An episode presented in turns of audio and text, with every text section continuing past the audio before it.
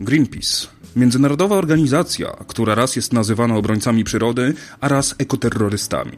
Dziś jednak, zamiast samodzielnie przygotować analizę, chciałbym Ci przedstawić opracowanie wykonane przez Łukasza Sakowskiego, biologa, opublikowane na jego blogu to tylko teoria.pl.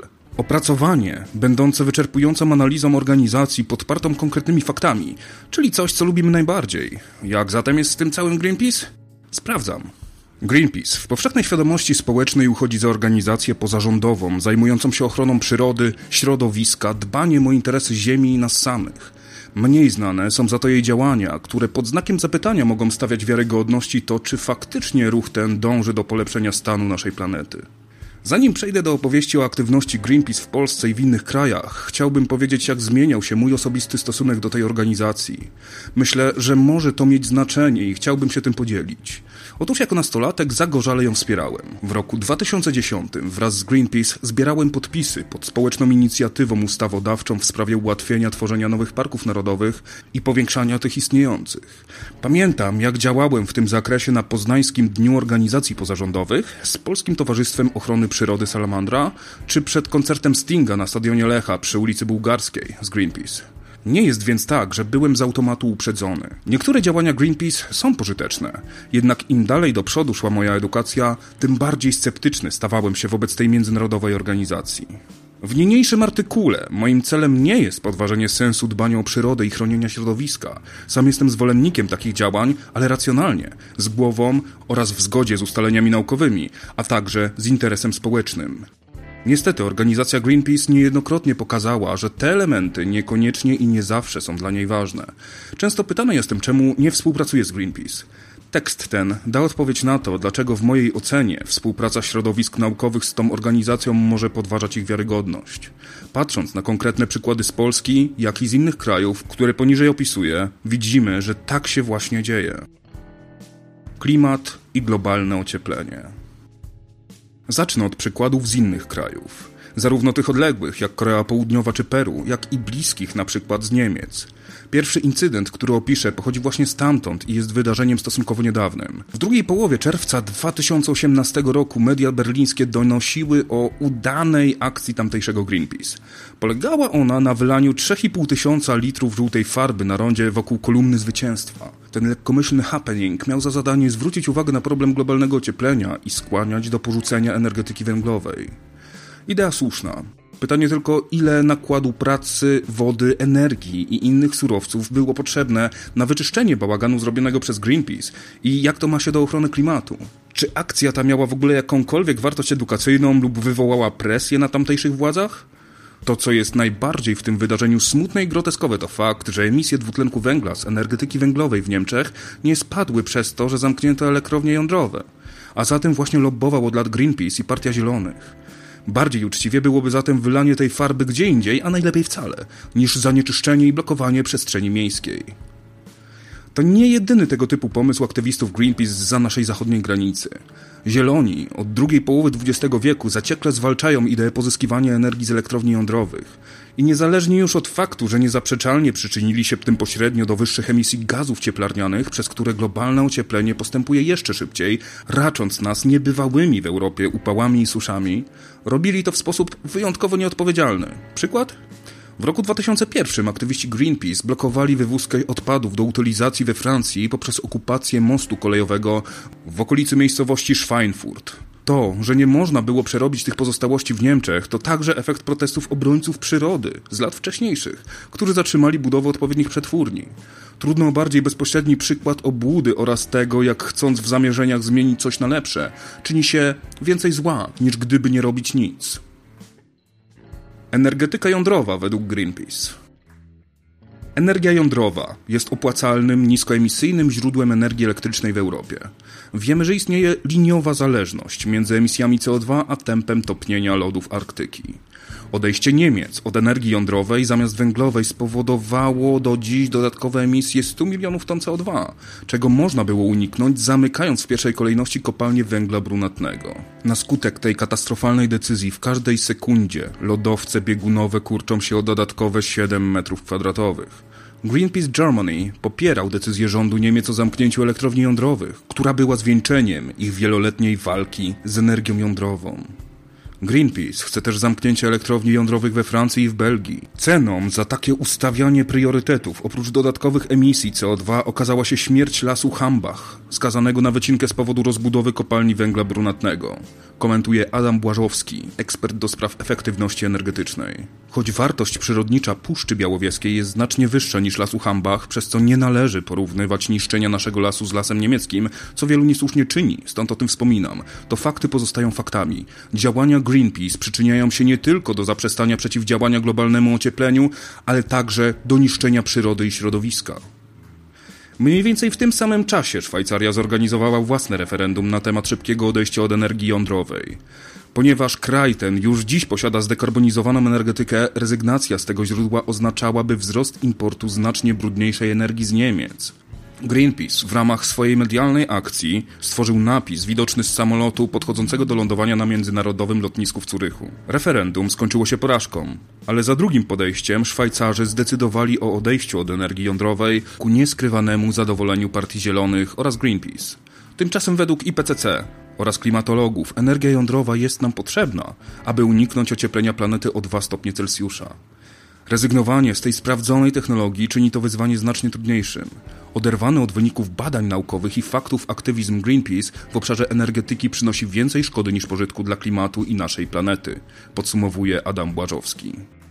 Warto wspomnieć jeszcze o manipulacjach Greenpeace dotyczących katastrofy elektrowni jądrowej w Czarnobylu, która była skutkiem wypadku z dnia 26 kwietnia 1986 roku. Zieloni aktywiści podają w swoich mediach, że liczba ofiar śmiertelnych z nowotworami popromiennymi sięgnęła 100 tysięcy osób, podczas gdy bardziej rzetelne dane Organizacji Narodów Zjednoczonych wskazują na liczbę kilkudziesięciu osób. Oficjalny raport ONZ i naukowców z Komitetu Naukowego ONZ do spraw skutków promieniowania atomowego z 2011 roku podsumował katastrofę w Czarnobylu w taki sposób. 62 ofiary promieniowania, 6 tysięcy przypadków raka tarczycy, z czego 15 śmiertelnych, dodaje Adam Błażowski. Tego rodzaju manipulacje służą jednemu straszeniu ludzi energetyką jądrową, wbrew interesowi społecznemu i przeciw ochronie przyrody i środowiska naszej planety. Japonia i Korea Południowa polityczny ekopopulizm. Greenpeace od lat prowadzi pseudonaukową propagandę antyjądrową. Wydarzenia z 2011 roku w Japonii, w Fukushimie, były idealnym pretekstem do zwarcia szyków aktywistów zielonych w Azji. Warto wyjaśnić, że katastrofa w Fukushimie była w mediach drastycznie wyolbrzymiona względem rzeczywistości. Czy wiedzieliście na przykład, że ewakuacja w obawie przed promieniowaniem skończyła się ofiarami śmiertelnymi, podczas gdy ofiar takich ze względu na samo promieniowanie nie było? Ludzie umierali nie od promieniowania z elektrowni, ale przez ucieczkę przed promieniowaniem. Jasno i mądrze te kwestie wyjaśnił zmarły już niestety Hans Rosling w swojej książce Factfulness, która niedługo wejdzie na polski rynek. Wykorzystano zatem katastrofalną w skutkach falę tsunami do wzbudzenia antyjądrowej paniki. Niestety, ekopopuliści wykorzystali katastrofę także do swoich politycznych gier. Tuż przed wyborami w premierę w Korei Południowej miał film Pandora, propagandowo-fabularna twórczość mająca demonizować elektrownie jądrowe. W promocji, nie tylko, brał udział Greenpeace. Oglądalność sięgnęła około 1 piątej populacji Korei Południowej mającej prawo do głosowania w wyborach. Wygrał je obecny prezydent Korei Południowej, Moon Jae-in, który jest zdecydowanym przeciwnikiem elektrowni jądrowych. Nie da się zaprzeczyć, że propagandowy film Pandora pomógł mu w walce o wygraną. Jest to tym bardziej smutne, że poprzednia prezydentka Park Geun-hye została usunięta z urzędu, a następnie skazana na ponad 20 lat więzienia, m.in. za złamanie konstytucji, korupcję czy ingerowanie w uczciwość wyborów. Wśród poważnych zarzutów było także konsultowanie spraw wysokiej rangi państwowej z wróżką. Nie trudno zgadnąć, że i ta prezydentura obfitowała w antynaukę. Nie tylko my nie mamy w ostatnich latach szczęścia do prezydentów. Wracając jednak do energii jądrowej w Azji, rezygnacja przez Koreę Południową z budowy elektrowni jądrowych wiąże się z takimi następstwami jak zwiększenie importu gazu czy wzmocnienie rosyjskiego Rosatomu przez zmniejszenie konkurencyjności wśród firm budujących reaktory. Jest to też, podobnie jak w przypadku Niemiec, cofanie się, jeśli chodzi o walkę z globalnym ociepleniem. Czy o to chodziło Greenpeace? Greenpeace wobec ludzi. Wszyscy znają słynne rysunki z Nazca. Ogromne, robiące wrażenie, zwłaszcza oglądane z lotu ptaka. Wzory przedstawiające m.in. zwierzęta i rośliny są jednym z największych cudów świata wykonanych przez człowieka. Niestety są sukcesywnie podniszczane przez różne incydenty. Jeden z nich spowodowali działacze Greenpeace w Peru, którzy podczas swojego protestu uszkodzili rysunek, podobiznę kolibra, przy rozkładaniu hasła Czas na zmianę, przyszłość jest odnawialna, Greenpeace. Był to ruch wykonany podczas szczytu klimatycznego w Peru w 2014 roku, mający skłaniać do przeciwdziałania globalnemu ociepleniu. Tu znów należy podkreślić absurdalność sytuacji. Greenpeace nawołuje do ochrony klimatu przy jednoczesnym prowadzeniu wojny z energetyką jądrową. Odrębny wątek porażek Greenpeace prowadzi nas do Indii. To właśnie tam kilka lat temu ujawniono przestępstwa seksualne wewnątrz organizacji, co opisywał The Guardian. Ofiarami molestowania oraz gwałtu były kobiety, pracowniczki Greenpeace, atakowane przez mężczyzn, pracowników Greenpeace. Jednak nie same te przestępstwa wywołały skandal. Choć są to zachowania niedopuszczalne, to niestety zdarzają się regularnie. Problematyczny okazał się fakt, że zawiodły wewnętrzne procedury organizacji, ponieważ incydenty te zgłaszano wcześniej na co Greenpeace nie zareagował właściwie. Greenpeace w Indiach jest również oskarżany o oszustwa finansowe. Rolnictwo blokowane przez Greenpeace. Na oddzielny rozdział zasługuje odniesienie się do działań Greenpeace w zakresie zwalczania GMO oraz środków ochrony roślin, zwłaszcza glifosatu. Greenpeace od lat walczy z biotechnologią rolniczą. Niechęć do niej wśród ludzi wywodzi się ze wstrętu do postępu naukowego i technologicznego, powiązanego z parareligijnymi poglądami o wyższości tego, co naturalne, niezależnie od właściwości czy okoliczności. Uczucia te pogłębia właśnie Greenpeace, stosując do tego najróżniejsze manipulacje. Dodatkowo, lęk przed GMO wzmacniany jest w dużej mierze bezzasadnymi argumentami skierowanymi przeciwko firmom biotechnologicznym. O tym, że żywność z organizmów zmodyfikowanych genetycznie jest sama w sobie bezpieczna, pisałem na blogu wielokrotnie. Prawo wobec wprowadzania na rynek GMO stawia bardzo wysokie wymagania, które wiążą się z koniecznością przeprowadzenia dokładnych, długotrwałych badań. Z pewnością lepiej przebadany jest pod kątem bezpieczeństwa genetycznie zmodyfikowany pomidor niż pszenica, z której jemy chleb na co dzień. Nie znaczy to rzecz jasna, że ten ostatni jest niebezpieczny, bo nie jest. Podałem przykład dla kontrastu. Produkty z GMO mogłyby być szkodliwe tylko wówczas, gdyby wprowadzić do nich geny kodujące toksyczne białka lub enzymy prowadzące do produkcji toksyn. Dokładnie to samo może stać się w naturze. I się dzieje. Różnica jest taka, że przy modyfikacjach metodami inżynierii genetycznej zmiana genetyczna jest dokładna, precyzyjna, celowana i świadoma, a przy bardziej konwencjonalnych metodach hodowli, czy też całkowicie naturalnie, na podstawie przypadkowych mutacji i doboru naturalnego, wręcz odwrotnie. Dla nas, w bogatej Unii Europejskiej, najważniejsza jest kwestia bezpieczeństwa i wpływu żywności na zdrowie. Ale w wielu innych miejscach na Ziemi kluczowe jest to, jak GMO ma się do możliwości wykarmienia populacji oraz to, czy nie oddziałuje negatywnie na środowisko. I tutaj również nie da się nie zauważyć zalet. Plony z upraw GMO są wyższe z prostego powodu. Możemy zwiększyć ich odporność na szkodniki czy na suszę. Co więcej, wymagają mniejszych oprysków środkami ochrony roślin. Przede wszystkim jednak, dzięki lepszej produktywności, do wytworzenia określonej ilości żywności potrzeba mniej terenów pod uprawy. Dzięki temu wycina się pod nie mniej lasów. Podsumować należy, że dobrze skonstruowany organizm zmodyfikowany genetycznie niesie ze sobą mnóstwo zalet. Od pomocy w walce z głodem, przez ochronę środowiska, poniesienie właściwości prozdrowotnych, np. antynowotworowych lub o mniejszej szkodliwości, jak choćby ziemniaki z obniżonym poziomem akrylamidu. Istnieją też zyski ekonomiczne. Uprawy GMO sprawiają, że żywność jest tańsza, a rolnicy więcej zarabiają. Szerzej te kwestie opisałem w artykule Matka Natura i GMO w Tygodniku Powszechnym z dnia 27 maja 2018 roku. Mimo niezaprzeczalnych zalet upraw GMO, zwłaszcza w odniesieniu do ochrony przyrody i środowiska, Greenpeace prowadzi regularną wojnę z najnowocześniejszym rolnictwem. Jej ofiarami padają nie tylko naukowcy i rolnicy, ale także zwykli ludzie, zwierzęta i nasza planeta. O tym, dlaczego zielona organizacja jest tak bardzo przeciwna nowym technologiom, opisał szczegółowo dziennikarz naukowy Marcin Rotkiewicz w książce W Królestwie Monszatana.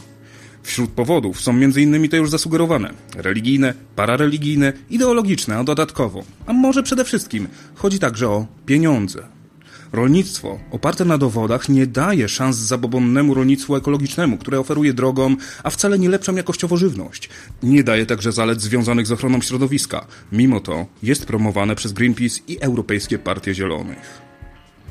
Nie będę dyskutował z parareligijnymi argumentami przeciwko GMO. Chciałbym jednak pochylić się nad tymi pseudonaukowymi, które podnoszą przeciwnicy biotechnologii rolniczej. Chciałbym się jednak pochylić nad tymi pseudonaukowymi, które podnoszą przeciwnicy biotechnologii rolniczej, w tym Greenpeace. Sprawa jest poważna i swego czasu urosła do poziomu międzynarodowego skandalu, który warto tutaj przytoczyć. Ponieważ ideologicznie zarzuty przeciwko GMO to za mało, Greenpeace i inni aktywiści potrzebowali czegoś, co wyglądałoby na naukowe. Z pomocą przyszedł Gilles Ery Seralini, francuski biolog molekularny oraz aktywista anty-GMO. Przeprowadził on badania na szczurach. Karmił je kukurydzą GMO, kukurydzą nie GMO i glifosatem, chcąc pokazać, że te pierwsze i ostatnie wywołują nowotwory. Później szczury z eksperymentu z wielkimi guzami okazały się świetnym narzędziem propagandowym. Można było wprost pokazać, że karmione kukurydzą GMO zwierzęta chorowały na nowotwory. Ten idealny scenariusz przeciwników GMO szybko zburzyli sami naukowcy i dziennikarze naukowi. Sprawdzili dokładnie, jak przebiegał eksperyment francuskiego biologa i wykryli w nim sporo fundamentalnych błędów, przez które nie można było potraktować wniosków Seraliniego poważnie. Było to przede wszystkim wykorzystanie do badania szczurów szczepu Sprog Dolly, który ma genetyczne tendencje do chorowania na nowotwory. Co więcej, eksperyment trwał dwa lata, więc zwierzęta były też już stare, co dodatkowo wzmacniało ryzyko chorób nowotworowych. Dodatkowo, Seralini nie wziął pod uwagę uwagę grupy kontrolnej, czyli takiej, która żywiłaby się zwykłą, standardową paszą dla szczurów laboratoryjnych. W związku z tym nie można było nawet porównać wyników. Gwoździem do trumny były bardzo małe próby. Publikację wycofano z czasopisma, w którym została opublikowana, a Gilles Eric Seralini przestał być traktowany poważnie w środowisku naukowym. To nie była pierwsza próba Seraliniego, by dowieść, że żywność GMO jest szkodliwa. Kilka lat wcześniej przeprowadził badania, które przyniosły według autorów takie m.in. wnioski, jak to, że kukurydza zmodyfikowana genetycznie wpływa negatywnie na masę ciała czy metabolizm lipidowy. W świetle późniejszych zdarzeń wiarygodność francuskiego badacza runęła i nikt nie traktuje już jego wyników poważnie. Mimo to Greenpeace bardzo chętnie cytowało jego wyniki i wnioski, wykorzystując je w swojej propagandzie. Zapytacie, co to ma wspólnego z Greenpeace? Oprócz faktu, że zmanipulowane wnioski, które miały świadczyć o szkodliwości kukurydzy GMO i glifosatu, były organizacji bardzo na rękę. Otóż okazało się, że co najmniej niektóre eksperymenty Seraliniego były przez Greenpeace współfinansowane. Co więcej, założony przez Gilles Erika Seraliniego Komitet Badań i Niezależnej Informacji na temat Inżynierii Genetycznej wraz z zieloną polityczką Corinne Lepage jest również przez Greenpeace współfinansowany. Wygląda więc na to, że badania mające podważać bezpieczeństwo żywności GMO, zwłaszcza kukurydzy, były nie tylko przeprowadzone pod tezę i zmanipulowane, ale także były finansowane w sytuacji poważnego konfliktu interesów i z zaangażowaniem strony politycznej. Nie chodzi tu wyłącznie o wpływ Greenpeace na manipulowane badania pod tezę. Problem jest znacznie szerszy. Kampania Greenpeace przeciw GMO pochłonęła miliony euro które mogłyby być przeznaczone na faktycznie potrzebne na rzecz ochrony przyrody cele, takie jak na przykład walka z wylesieniem, którą wprowadzanie upraw GMO de facto może pośrednio istotnie wspierać. Jednak co najważniejsze, blokowanie przez Greenpeace złotego ryżu GMO, bogatego w prowitaminę A, przyczyniło się do jego znacznie opóźnionego wprowadzenia na rynek. Dzieje się to właściwie dopiero teraz, w ostatnich miesiącach. Ponieważ został on opracowany charytatywnie i miał być udostępniony rolnikom w krajach o niższych poziomach dochodowych niemalże za darmo, byłby niezwykle tanim i skutecznym sposobem walki z niedożywieniem i niedoporem witaminy A. Tysiące dzieci mogłoby uniknąć śmierci lub chorób oczu, ale organizacje sprzeciwiające się ryżowi GMO, w tym w znacznej mierze Greenpeace, postanowiły temu zapobiec. Fizyczne ataki dokonywane przez działaczy Greenpeace. Spodziewaliście się zakończenia wątku GMO w tak drastycznym momencie? Niestety, nie mógłbym zamknąć tego tematu nie wspominając o jeszcze jednej, skandalicznej aktywności działaczy Greenpeace w tym zakresie. Aktywiści organizacji nie posuwają się bowiem tylko do lobbowania czy pośredniczenia w manipulacjach. Zdarzały się też fizyczne ataki na uprawy roślin GMO czy na eksperymenty naukowe przeprowadzone na takich uprawach. W roku 1999 działacze Greenpeace w Wielkiej Brytanii zniszczyli uprawy GMO w miejscowości Norfolk. Atak wyglądał następująco. 28 osób, w tym kilkunastu aktywistów Greenpeace, zaszarżowało na gospodarstwo mężczyzny o nazwisku Birgen przy użyciu ciężarówki wywrotki oraz traktora tnącego. Sąd później uznał, że mieli do tego prawo, ponieważ niezniszczenie upraw GMO doprowadziłoby do rzekomej większej przestępczości w postaci rozprzestrzenienia się roślin zmodyfikowanych genetycznie. Dziś również padają absurdalne wyroki dotyczące roślin GMO czy stosowanych przy nich środków ochrony roślin, do których rozstrzygania sądy nie mają kompetencji. Później miejsce miały kolejne bezpośrednie ataki aktywistów Greenpeace na uprawy roślin GMO, na przykład w Australii, niedaleko stolicy tego kraju, na eksperyment z genetycznie modyfikowaną pszenicą należący do Organizacji Naukowej Wspólnoty i Badań Przemysłowych. Greenpeace w Polsce. Na odrębny dział w tekście zasługuje Greenpeace w Polsce. Organizacja prowadziła lub dalej prowadzi różne kampanie. Mnie przyciągnęli do siebie w roku 2010 kampanią I Love Puszcza ze znakiem żubra, która była efektem wspólnego działania różnych prośrodowiskowych organizacji, także WWF, PTOP Salamandra i innych i miała na celu zmianę prawa, dzięki czemu tworzenie nowych parków narodowych i rozszerzanie już istniejących byłoby łatwiejsze. Inne działania Greenpeace Polska dotyczą oczywiście prowadzenia negatywnej reklamy GMO i energetyki jądrowej, a także ochrony pszczół. Tym ostatnim nadano nazwę Adoptuj pszczołę, ponieważ o tym, jak bardzo bezsensowne i szkodliwe jest zwalczanie GMO i energetyki jądrowej już wyjaśniłem wcześniej, tutaj skupię się na akcji dotyczącej pszczół. Adoptuj pszczołę to prowadzona od pięciu lat akcja społeczna Greenpeace, dzięki której tysiące osób z całej Polski angażują się, a Polska staje się krajem coraz bardziej przyjaznym zapylaczom. Dzięki wirtualnym adopcjom każdy ma szansę pomóc pszczołom miodnym i dziko żyjącym. Tak kampanię opisuje Greenpeace na stronie adoptujpszczołę.pl. Pamiętam, kiedy jeszcze studiowałem, a moje podejście do Greenpeace było mniej sceptyczne, prowadzący zajęcia z entomologii, czyli nauki o owadach. Na początku omawiania tematu pszczół powiedział: Była kiedyś taka akcja, adoptuj pszczołę, ale nic z niej nie wyszło. Dzisiaj i ja to widzę i rozumiem, dlaczego tak się stało. Adoptuj pszczołę polega na wirtualnym adoptowaniu pszczół, czyli wpłacaniu datków na organizację Greenpeace. Pieniądze zostały lub mają zostać przeznaczone na budowę hoteli dla owadów zapylających, wielki spis zapylaczy, w tym społeczny monitoring pszczół, o którym za chwilę, czy na stworzenie dokumentu Narodowej Strategii Ochrony Owadów Zapylających. Chęci do działania są, chęci do otrzymywania pieniędzy też. Pytanie tylko, co z tym zrobić. Zabrać się za rozwiązywanie istniejących problemów, czy może wymyślić nieistniejące, co jest łatwiejsze? I na tej podstawie podjąć akcję. W maju bieżącego roku na Pomorzu zdarzyła się nieszczęśliwa historia. W wyniku oprysku pestycydem zginęło około 10 milionów pszczół według szacunków Greenpeace. Organizacja siała wówczas histerię na swoim profilu na Facebooku, strasząc środkami ochrony roślin. Szybko jednak zweryfikowałem sytuację. Okazało się, że zaszła, ponieważ rolnik wykonał oprysk o niewłaściwej porze dnia, to znaczy około godziny 17, zanim pszczoły schowały się do uli. Powodem tragedii nie był więc pestycyd sam w sobie, tylko niewłaściwe jego zastosowanie. Oczywiście złośliwi mogą powiedzieć, że pestycyd tak czy siak zabija. To prawda, ale nawet życiodajna woda zabija. Można się w niej utopić. Wszystko zależy od okoliczności, dawki, drogi podania substancji i wielu innych czynników. Straszenie pestycydami jest w związku z tym niezwykle populistyczne. W odniesieniu do tej sytuacji też trzeba pamiętać, że śmierć 10 milionów pszczół oznacza upadek poniżej 200 uli. Dla poszkodowanych pszczelarzy jest to z pewnością przykre i powinno być zadośćuczynione, ale z szerszej perspektywy jest to znikoma strata dla populacji pszczół miodnych. Wśród różnych tekstów na stronie można też przeczytać o zagrożeniach dla pszczół. Wymieniane są oczywiście pestycydy. Mimo, że oczywistym jest fakt, że to nie pestycydy same w sobie są dla pszczół złe, ale ich nieodpowiednie wykorzystanie. Organizacja i tak potępia stosowanie ich.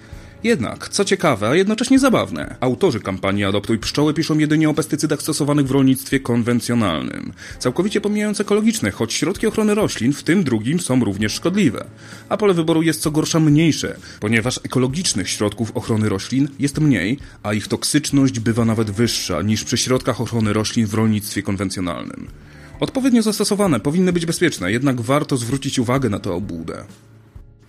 Wpisuje się to w ogólnoświatową strategię Greenpeace, polegającą na promowaniu rolnictwa ekologicznego, mniej wydajnego, przez to bardziej szkodliwego dla środowiska i globalnej bioróżnorodności i spychaniu na margines rolnictwa konwencjonalnego, bardziej wydajnego, przez co mniej szkodliwego dla środowiska i bioróżnorodności w skali globalnej. Niedawny ban na stosowanie neonikotynoidów w Unii Europejskiej, za którym lobbowali polityczni Zieloni czy Greenpeace, już przynosi negatywne skutki, czego naukowcy się spodziewali, a co również opisywałem. Powyższa historia po części daje odpowiedź na to, czego się można spodziewać po polskim Greenpeace. Przejdźmy jednak do społecznego monitoringu pszczół. Ma on na celu liczenie pszczół miodnych i trzmieli. Polega na zgłaszaniu przez zwolenników Greenpeace miejsc, w których przedstawicieli owych gatunków spotkali. Jaki jest efekt tego badania? Wystarczy wejść na stronę monitoringpszczół.pl ukośnik mapa, by zobaczyć, że według badania Greenpeace najwięcej pszczół i trzmieli udokumentowano w największych polskich miastach i ich okolicach czyli tam, gdzie jest najwięcej fanów Greenpeace. Szczerze przyznam, że gdy pierwszy raz usłyszałem o tej cudacznej akcji, byłem pewien, że została szybko usunięta, by nie kompromitować organizacji. Okazało się, że wciąż wisi w internecie do dzisiaj. Zastanawiam się, co na temat tego badania myślą naukowcy, którzy współpracują z Greenpeace w ramach kampanii Adoptuj Pszczołę. A tych, mimo ogólnego zniechęcenia do organizacji w środowisku naukowym, nie zabrakło. Podobnie jak we Francji i innych krajach, o czym pisałem wyżej. Akcja społecznego liczenia pszczół może być nieudana i kompromitująca, a brak odpowiednich ekspertów w Greenpeace mógł sprawić, że organizacja nie wychwyciła tej ośmieszającej ją groteski albo alternatywnie nie przedstawiła jej celów w sposób na tyle zrozumiały, by można było dostrzec w tym jakikolwiek sens, biorąc pod uwagę, że Greenpeace nazywa społeczny monitoring pszczół badaniem. Zajrzyjmy więc do Narodowej Strategii Ochrony Owadów Zapylających, którą napisało dla Greenpeace kilku polskich ekologów. Po naukowcach, nawet jeśli najbardziej pesymistycznie przyjmiemy, że nie są najwyższych lotów, spodziewamy się rzetelnego i wiarygodnego opracowania. Co zatem znajdziemy w przygotowanym przez nich dokumencie? Oczywiście, jest tam mnóstwo ciekawych faktów na temat pszczół i innych zapylaczy. Dokument w dużej mierze przygotowany jest w sposób akceptowalny, poprawny i ciekawy, ale zawiera też poważne wpadki. Na przykład, w jednym rozdziale autorzy słusznie narzekają na degradację siedlisk na skutek rozwoju rolnictwa. Jednocześnie kawałek tekstu dalej krytykują bardziej wydajne rolnictwo czy pestycydy. Nie wiem, gdzie tu logika. Od naukowców oczekiwałbym czegoś więcej niż suchego pisania, że pestycydy zabijają, bo jak wspomniałem, woda i tlen i właściwie wszystko również może zabić. Powtórzę, to dawka i droga podania czynią truciznę. Niezwykle ważne są też okoliczności, stwierdzenie, że coś jest szkodliwe, bez spojrzenia na kontekst, jak choćby produkcja żywności, wyżywienie ludności czy ochrona środowiska, jest niemerytoryczne. Jak wspomniałem, w szeregach Greenpeace brakuje często osób chcących działać na podstawie faktów. Tak jak w medycynie mamy evidence-based medicine, czyli medycynę opartą na dowodach, tak w ochronie środowiska i przyrody również powinniśmy kierować się najwyższej rangi publikacjami, nie bazując na pojedynczych, niepełnych danych, co bardziej niż naukowe myślenie przypomina cherry picking. Jest to problem nie tylko odgórnej ideologii Greenpeace, która często staje w sprzeczności z najnowocześniejszymi ustaleniami naukowymi, ale także ekspertów organizacji. Ikonicznym przykładem w Polsce jest Katarzyna Jagiełło, regularnie wypowiadająca się w mediach na tematy związane z ochroną środowiska w oderwaniu od faktów. Nie da się uciec od poczucia groteski, gdy widzi się, że specjalizacja Jagiełło opisywana na stronie Greenpeace zmienia się, mówiąc humorystycznie, co sezon. Wcześniej na stronie Greenpeace była opisywana jako specjalistka od rolnictwa ekologicznego. Zastanawiam się, co będzie kolejne i jakie są faktyczne kompetencje tej działaczki Greenpeace, jak i innych twarzy organizacji. Warta wspomnienia jest jeszcze jedna kwestia. Wielu działaczy na rzecz ochrony przyrody, którzy nie opierają się na faktach, w debacie o rzekomym wymieraniu pszczół podnosi przykład ręcznego zapylania grusz w Chinach, co miałoby wynikać właśnie z wyginięcia tamtejszych populacji. Mit ten zasygnalizował jako nie mit także szef Greenpeace Polska, co przytaczała Polska Agencja Prasowa w 2013 roku. Dlaczego jest to nieprawda? Dosadnie wyjaśnia ekolożka zajmująca się zapylaniem roślin przez zwierzęta Marta Szurlej, której oddaje kilka poniższych akapitów. Ręczne zapylanie grusz w Chinach spowodowane wymarciem pszczół jest to bardzo duża manipulacja. Rzeczywiście grusze i jabłonie są tam zapylane ręcznie, ale przyczyny tego są przede wszystkim ekonomiczne. Ręczne zapylanie pozwala mocno zwiększyć plon, także aż gałęzie uginają się od owoców. Praktyka ta była najintensywniej stosowana w latach 90., ale już się od niej powoli odchodzi, za co odpowiadają zmiany socjoekonomiczne. Wielu pracowników wyjeżdża za lepszą pracą do miast i trzeba im płacić kilka razy więcej niż w latach 90. Nieprawdą jest, że pestycydy doprowadziły do wyginięcia pszczół na tych obszarach. Dzikich zapylaczy jest rzeczywiście dużo mniej, ale przyczyną jest przede wszystkim zmniejszenie obszarów ich naturalnych siedlisk w pobliżu plantacji. Dopiero później są pestycydy, a dokładnie dokładniej ujmując ich niewłaściwe stosowanie i inne czynniki. Pamiętajmy też, że pszczoła miodna to zupełnie inna historia. Są to zwierzęta hodowlane, a ich populacja zależy przede wszystkim od ludzi i tego, czy hodowla się im opłaca. Na takich plantacjach nie trzyma się pszczół cały czas, tylko wypożycza od pszczelarzy na okres kwitnienia. Podejmowano już próby ponownego wprowadzenia pszczół na chińskich obszarach, ale wszystko rozbijało się o kwestie ekonomiczne, a nie brak możliwości przetrwania pszczół w tamtejszych warunkach. Jednak koszt pracy człowieka rośnie, a plantatorzy są edukowani, jak, kiedy i w jakich ilościach używać pestycydów, więc pszczoły prędzej czy później tam wrócą. Jednak, co najważniejsze, sytuacja w Chinach nie ma kompletnie żadnego przełożenia na sytuację w Europie i samo powoływanie się w tym kontekście na Chiny jest kolejną manipulacją. Z akcją Adoptuj pszczołę mam zatem kilka problemów. Po pierwsze, stosowanie nadinterpretacji i manipulacji w informowaniu. Po drugie, skupianie się na pestycydach, a nie na najpoważniejszych zagrożeniach dla pszczół, czyli patogenach wywołujących warrozę czy nosemozę. Po trzecie, wyjątkowo niepoważny element kampanii dotyczący społecznego monitorowania pszczół, który jest jedną wielką pomyłką metodologiczną. Pamiętajmy, że pieniądze, które w to zainwestowano, mogły zostać wydatkowane dużo lepiej. Wystarczyłoby odejść od ideologicznej niechęci do środków ochrony roślin i w planowaniu wydatków oprzeć się na faktach. Greenpeace na świecie. Greenpeace w roku 2014 na międzynarodowym rynku walutowym stracił niemal 4 miliony euro. Winą obarczono jednego z pracowników. Po niezależnym audycie okazało się, że sytuacja miała miejsce przez zawarcie umowy, na podstawie której kupowano obce waluty po stałym kursie, podczas gdy wartość euro, czyli waluty, w której Greenpeace otrzymuje znaczną liczbę darowizn, wzrosła. Chociaż tego typu błędy, generujące straty w funduszach pochodzących z datków od obywateli, nie wyglądają najlepiej, pomimo setek milionów dolarów rocznego budżetu tej organizacji. To znacznie większe kontrowersje związane z Greenpeace budzą innego rodzaju, bardziej fundamentalne pomyłki, które opisałem w niniejszym artykule. Greenpeace jest wielką organizacją międzynarodową, przypominającą korporację. Tworzona jest przez tysiące ludzi z całego świata. W związku z tym niemożliwym jest, by każde jej działanie było czyste. Przy tak dużej liczbie zaangażowanych osób zawsze trafią się osoby, które zrobią jakiś mniej lub bardziej poważny błąd. Przy ocenie Greenpeace należy o tym pamiętać, by nie zejść z krytyczną oceną w niewłaściwą stronę. Głównym problemem jest tutaj coś innego.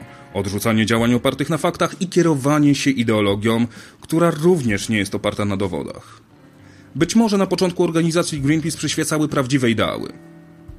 Ale podobnie jak to się potoczyło w folwarku zwierzęcym, poczucie siły szybko zamieniło kierunek niesienia pomocy na drogę uprawiania często brudnej, co widać po przytoczonych wszystkich przykładach, polityki. Z tego też powodu z organizacji odszedł jeden z jej współzałożycieli, Patrick Moore. Pomimo konstruktywnej i uzasadnionej krytyki wcale bym nie chciał, aby Greenpeace został zniszczony. Organizacji można mimo wszystko przypisać kilka korzystnych działań, takich jak walka z wielorybnictwem, czy w Polsce ochrona Puszczy Białowieskiej. W mojej ocenie wcale się to nie równoważy ze szkodliwymi działaniami, których według mnie jest znacznie, znacznie więcej.